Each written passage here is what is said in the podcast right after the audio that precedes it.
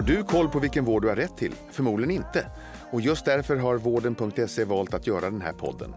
Jag heter Mikael Sandström och är husdoktor i eh, podden Vårddjungeln. Jag får sällskap av andra experter inom vårdrelaterade ämnen och även gäster som berättar om sina sjukdomserfarenheter. Har du som lyssnar en fråga du vill ta upp i podden så mejla fragoratvarden.se. Med detta sagt önskar jag dig varmt välkommen till Vårddjungeln. Nu kör vi! Varmt välkomna till Vårddjungeln. Eh, idag är det faktiskt lite annorlunda för vi sitter ju inte på kontoret i Stockholm utan vi sitter i en studio mitt på Svenska Mässan i Göteborg där det är Svenden, eh, Svedenta som är den stora happeningen eh, under året inom tandvården. Och eh, under de kommande tre dagarna så anordnar vi hela åtta samtal med olika experter inom tandvården och det fina med det är att du kommer kunna få ta del av alla dem. I det här första programmet så ska vi fokusera på patienten. Temat för stunden är framtidens patient. Vem är hon egentligen och hur kan tandvården svara upp mot de behov som finns? Och med mig i studion för att kunna bena ut det här och ha ett samtal kring det här viktiga ämnet så har vi Linda eh, Adehög, IT och marknadschef på MyDentist. Ja, Välkommen! tack så mycket. Och eh, så har vi med oss Lars Armbäck, chefstandläkare på Smile. Ja, tack så mycket. Och sen så har vi Stefan Sugalski, eh, ekonomidoktor inom konsumentbeteende. Men inte bara det, han är även min kära kollega på vården.se. Hej, tack så mycket. Så är ni redo för frågorna? Absolut. Absolut. Att vi kastar oss ut om framtidens patient. Och eh, då måste vi börja med så här, vilka behov har människan idag egentligen? Jag skulle säga behovet av att få estetiska eh, behandlingar har ökat kraftigt den sista tiden. Men också det här att man prioriterar munhälsovård i allmänhet större än man gjorde förr. Man söker också lite enklare lösningar för att bli mer nöjd som patient. Samtidigt så är det ju också ett stort behov av att vi ser stora sociala och ekonomiska skillnader i landet. Eh, där bland annat då tillgängligheten på tandvård ser väldigt olika ut i olika delar av landet. Och hur är det då? Är det att det är lättare att få tid om man bor i en stor ort och svårare om man går i mindre? Eller misstänker att det är det du syftar på? Absolut, Mm. och det här har ju att göra med att vi har ju olika regioner i landet och det ser väldigt olika ut med kompetensförsörjning i de olika regionerna. Och generellt ska man göra det enkelt. Stora städer lättare, ju längre söderut lättare. Och vad säger du Stefan från ett konsumentperspektiv? eller Nej, men om man, om man tar en sån här klassisk modell som ni vet Maslows behovshierarki Mm. så kan man eh, kortfattat säga att eh, alltså Maslow finns kvar men pyramiden finns inte kvar.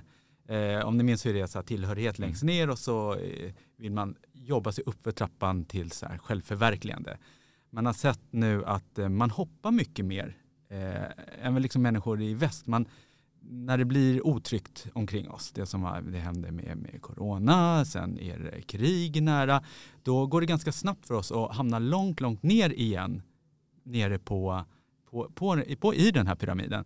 Men eh, sen kan vi vissa dagar komma upp i den, för man kan ju inte ta till all information hela tiden.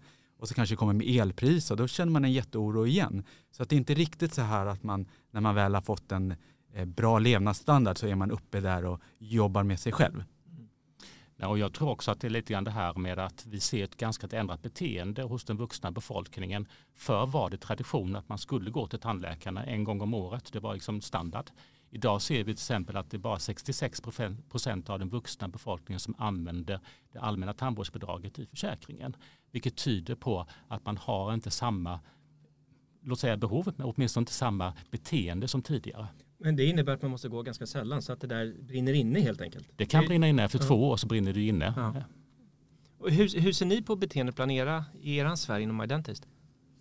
Nej men jag instämmer ju just med det estetiska. Eh, och om man ser till Maslows trappa med så bekräftelse och trygghet är väl de behoven som, som människorna har idag lite mer.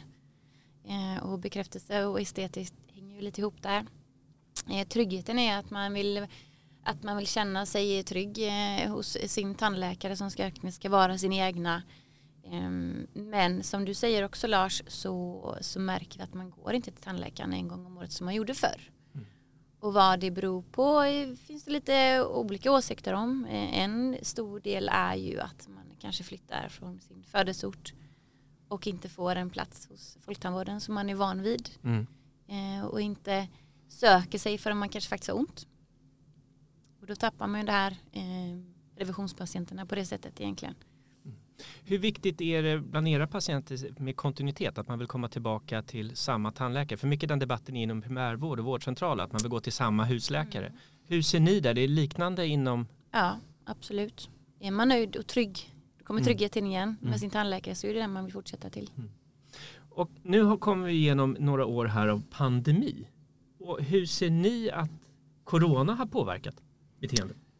Jag skulle säga att det har påverkat oss ganska mycket. Eh, vi ser en klar förändrad tendens, framförallt att man har börjat använda de digitala hjälpmedlen mycket mer. Det lärde vi oss både inom organisationer och inom tandvården, men också patienterna lärt sig att använda de digitala medel. Så att kravet på oss att ha de här funktionerna har ökat kraftigt.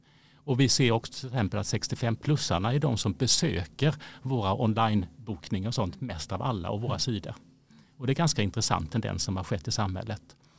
Och något annat vi lärde oss av pandemin är ju också att vi måste ha fungerande system även i krissituationer. Och det tror jag var en liten wake-up-signal för hela Sverige egentligen. Vi har känt oss så trygga men vi kanske inte var, egentligen är så trygga som vi har trott att vi var. Tagit det nästan för givet? Vi har tagit det väldigt för givet. Mm.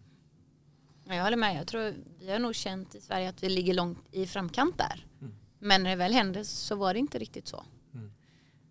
Mm. Men omställningen, vi var ganska snabba på att ställa om ändå måste jag ändå säga, även om man kunde gjort det ännu bättre. Eh, men eh, ja, vad ska man säga? Vad har man lärt sig av det? Eller hur är beteendet efteråt? Man kramas inte lika mycket. det är väl en viktig aspekt i det hela. Man kan också se, tänker jag, om man ser hur vi, hur människor beter sig efter kriser i allmänhet.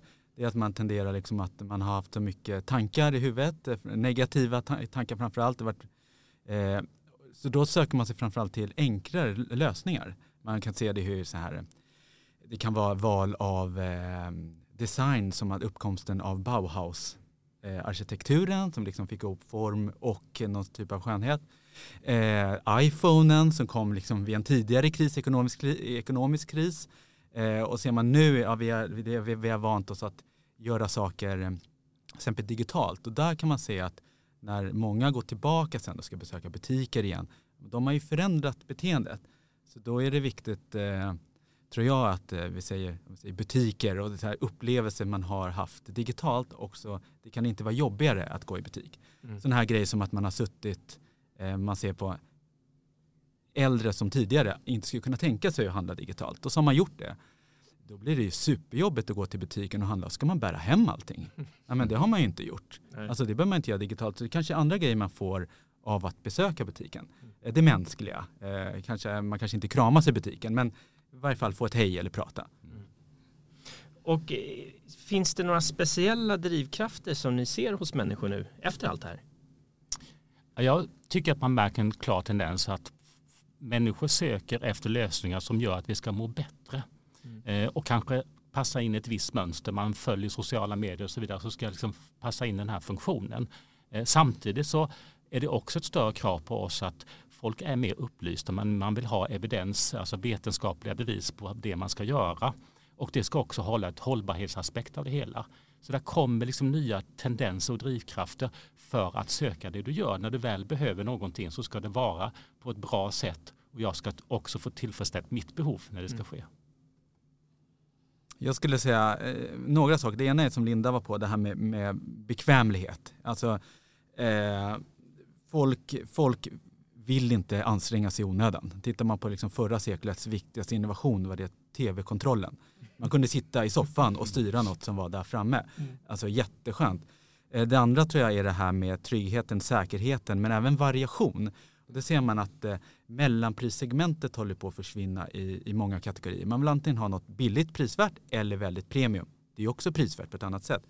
Men den här naturliga variationen kan man se att exempelvis butiker som Lidl eh, funkar bra för de har en naturlig variation.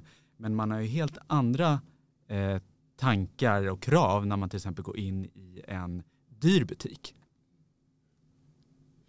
Och om, om vi ska försöka liksom titta lite längre fram i kristallkulan. Mm. eh, kanske inte så lätt, men, men, men, hur tror ni att människor kommer konsumera produkter och tjänster och vård? Om vi säger att vi blickar fram 50 år. 50 år är väldigt lång tid framöver eh, och jag tycker egentligen inte vi blir blicka. Jag sa inte att det skulle vara lätt. Nej. Men jag tror att just det här vi är inne på nu kommer vara en så självklarhet att vi ska kunna kommunicera på ett väldigt enkelt sätt. Eh, vi ska vara transparenta, vi ska kunna få reda på allting. Jag ska ha tillgång eh, till mina journaler, till allting vad, vad, vad tandläkaren eller vården säger om mig. Och jag ska också kunna påverka det på ett bra sätt. Med ett stort fokus, jag tror att vi kommer ha ett mycket större fokus på att hålla sig sund och frisk. Att det kommer vara ett mantra i framtiden. Hur gör vi för att förebygga och ändra beteende mer än att behandla?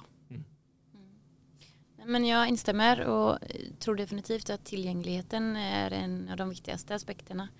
Du ska vara lätt att kunna boka, få tider, kanske att någon kommer hem till dig till och med. Vad vet jag. Eh, mobilen, allt. Tillgängligheten kommer vara jätteviktig. Mm. Sen får vi hoppas att det inte är klyftorna som avgör om, eh, om man går till tandläkaren eller inte. Mm. Och där tror jag också att här med, man tar hälsan till exempel som Lars var inne på med digitala hjälpmedel och sin iPhone och sådär. Man kommer ju kunna veta exakt hur saker man äter och gör påverkar kroppen. Mm. Kommer man fortfarande vilja äta onyttigt?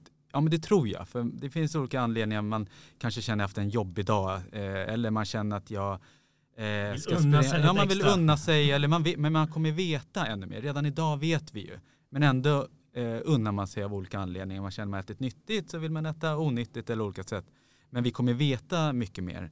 Och jag tror även att eh, mer, färre val kommer skötas, man kommer göra, mer val kommer göras automatiskt av till exempel så här röstassistenter som Siri och Google Home.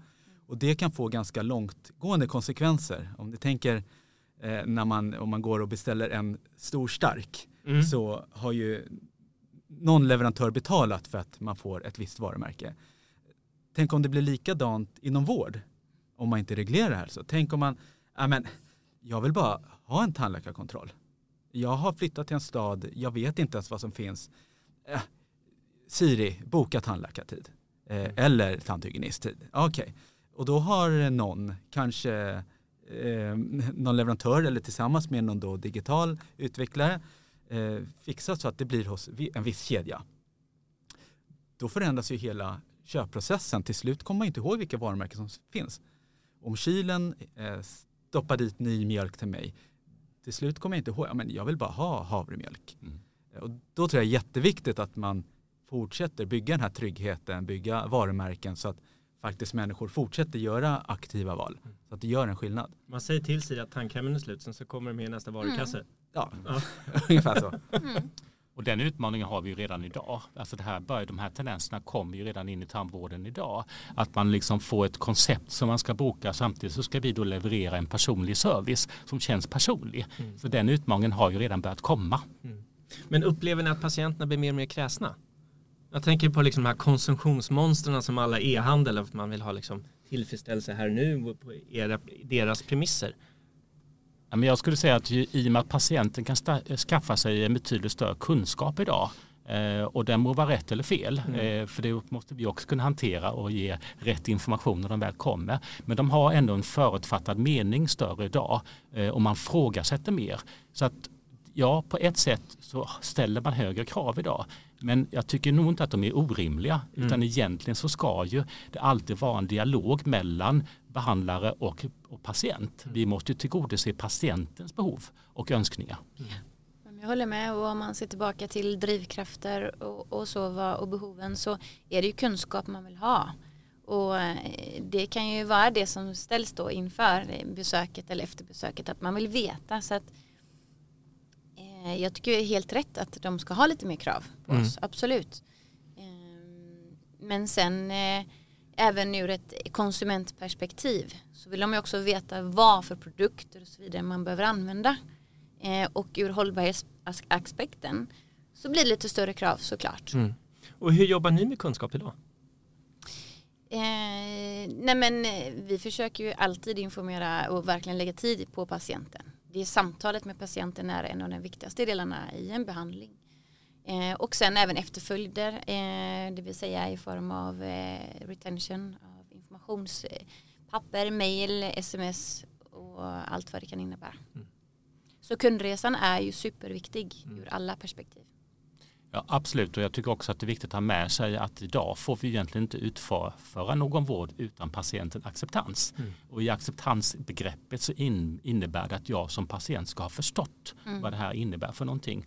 Så kommunikation är ett av nyckelorden. Ja, absolut. Instämmer helt. Eh, om vi ser då på hälsa i allmänhet och, och vi, vi, fortsätter med vår framåtblickande här. Eh, kommer vi äta socker? I den utsträckning som vi gör. För det, det, har, det har vi alla lärt oss att det är inte så bra för tänderna. Nej, det är absolut inte bra för tänderna och eh, socker vet vi ju att det orsakar karies och karies är ju världens vanligaste sjukdom. Mm. Men jag skulle säga att fokus idag har inte på lika mycket på socker och karies utan mer sockers allmänna hälsoeffekter, eh, de negativa effekterna. Och det är väl lite grann den tendensen vi ser, att man tittar på hela människan, vad har det för effekter, eh, det vi gör. Och precis som du var inne på innan Stefan, så att är det kommer vi ändra våra sätt att konsumera. Det mm. kommer ändras radikalt de närmaste 50 åren. Eh, absolut, vi kommer komma in i nya produkter och det ser vi redan nu. Vi har förändrat, vi har mycket mer sura produkter, vi får helt andra skador på tänderna som också är lika allvarliga som mm. karies. Men de är, det är en annan typ av skador beroende på att vi har förändrat vårt beteende. Och det kommer vi alltid att göra på ett eller annat sätt. Eh, och jag tror också, precis som du var inne på Stefan, att det här med att man vill unna sig något lite extra. Eh, ja, och sen ska, är det ju vår skyldighet då att tala om när kan du göra det och på vilket sätt ska du göra mm. det. Eh, det är vår profession som ska tala om det. Mm. Nu har ju precis varit, nu, kom, nu går jag från schemat här lite. För jag, men, men det, det, är en fråga som dök upp. För jag tänkte på det. Nu har det precis varit halloween och man går ut och kör trick or treat. Ja. Barnen, jag har småbarn. Mm. Och det är gigantiska godispåsar som ska komma in. Mm. Och då stod vi där, eh, vi skulle ha lösgodis och tänkte på de här påsarna hade när jag var liten. Nu är det ganska länge sedan. Men de var väldigt små. Men man äter betydligt mer sötsaker. Hur ser ni på barns tandhälsa nu? Om man backar till liksom hur det var på 80-talet och hur det ser ut nu? Men det, vi ser ju inte den, så det är, alla siffror pekar ju på att barnkaries har ju börjat öka lite grann igen. Det är inte en självklarhet att barn ska vara kariesfria som det var faktiskt på 80-talet på ett helt annat sätt. Eh, utan här finns då, och det här är också någonting som kommer tillbaka till både till vilken kompetens men också vilken tillgänglig tandvård mm. eh, och också de socioekonomiska förhållandena. Vi har en helt annan population idag där det är problem att få ut kunskap om saker och ting också. Mm. Vi är inne på ett litet eh, fram, framtidsschema eh, eller liksom hållpunkt här och jag undrar hur ser ni på AI och robotar? Kommer du några kanske ska förklara vad AI är ja, för någonting. Artificiell intelligens. Ja. Eh, hur, hur ser ni att liksom, moderna teknik, det vet vi till exempel att inom kirurgi så kan en läkare eller en kirurg sitta i en annan del på jorden och göra en operation. Ja. Eh, men ser ni några moment som kommer kunna ersättas av robotar helt enkelt? Som ja. människor gör idag? Absolut. Det tycker jag man ska komma ihåg att den här interaktionen, mänskliga interaktionen och kommunikationen kommer alltid finnas behov av eh, vad vi än använder för hjälpmedel. Så vi kommer inte behöva möta Siri hos tandläkaren? Det kanske du kommer göra i receptionen. ja, eh, ja. Kanske, ja. det vet vi inte. Eh, men jag tror inte du kommer möta bara robotar och eh, artificiell intelligens för kommunikation utan där behöver det mänskliga mötet mm. är så viktigt. Däremot så ser jag ju redan idag att vi använder AI i till exempel när man tolkar röntgenbilder, man kan se karies och få standardiserade utlåtande på saker och ting vilket är ett jättehjälpmedel vad gäller diagnostik och vad det mm. gäller terapiplan och så vidare. Och det här kommer ju utvecklas mer och mer. Eh, och vi har det redan då som sagt var inom kariesdiagnostiken. Vi har det inom när man ska titta på käkar och så vidare när man ska göra olika implantatbehandlingar och sånt. Man kan då ta hjälp av tekniken för att få korrekt terapiplan och behandlingsplan. Robotar idag, används det inom tandvården? Ja, det gör det. Vadå? I Kina så har man faktiskt börjat att göra implantatoperationer, avancerade implantatoperationer mm. där man sätter ner ett implantat i käkbenet med robotens hjälp. Mm. Och jag tänker väl också det, nu blir det lite bredare perspektiv än just tandvården, men det är väl jättebra om robotar kan ersätta eh, vissa enklare moment så kan människorna fokusera på att vara mänskliga och eh, göra de saker som man kanske inte alltid hinner med i en stressad eh, vårdmiljö. Eh, kommunicera, lugna, förklara och sen göra de mer avancerade momenten. Och jag kan nog säga som så att det är precis kanske tvärtom. Berätta. Att robotarna, robotarna idag, om ni tittar på både medicin och tandvården, så gör de de mest avancerade, de som är som mest teknikkänsliga sakerna. Där är roboten kanske till och med bättre än människan.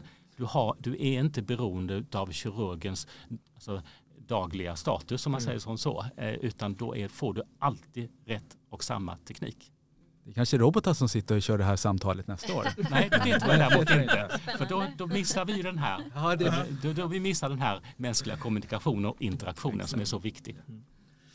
Eh, är det någonting inom det här ämnet framtidens patient som ni tycker att vi borde ha tagit upp som vi inte har berört? Alltså jag tycker att vi har ett stort problem i dagens eh, tandvårdssverige och det är kompetensförsörjningen i olika delar av landet.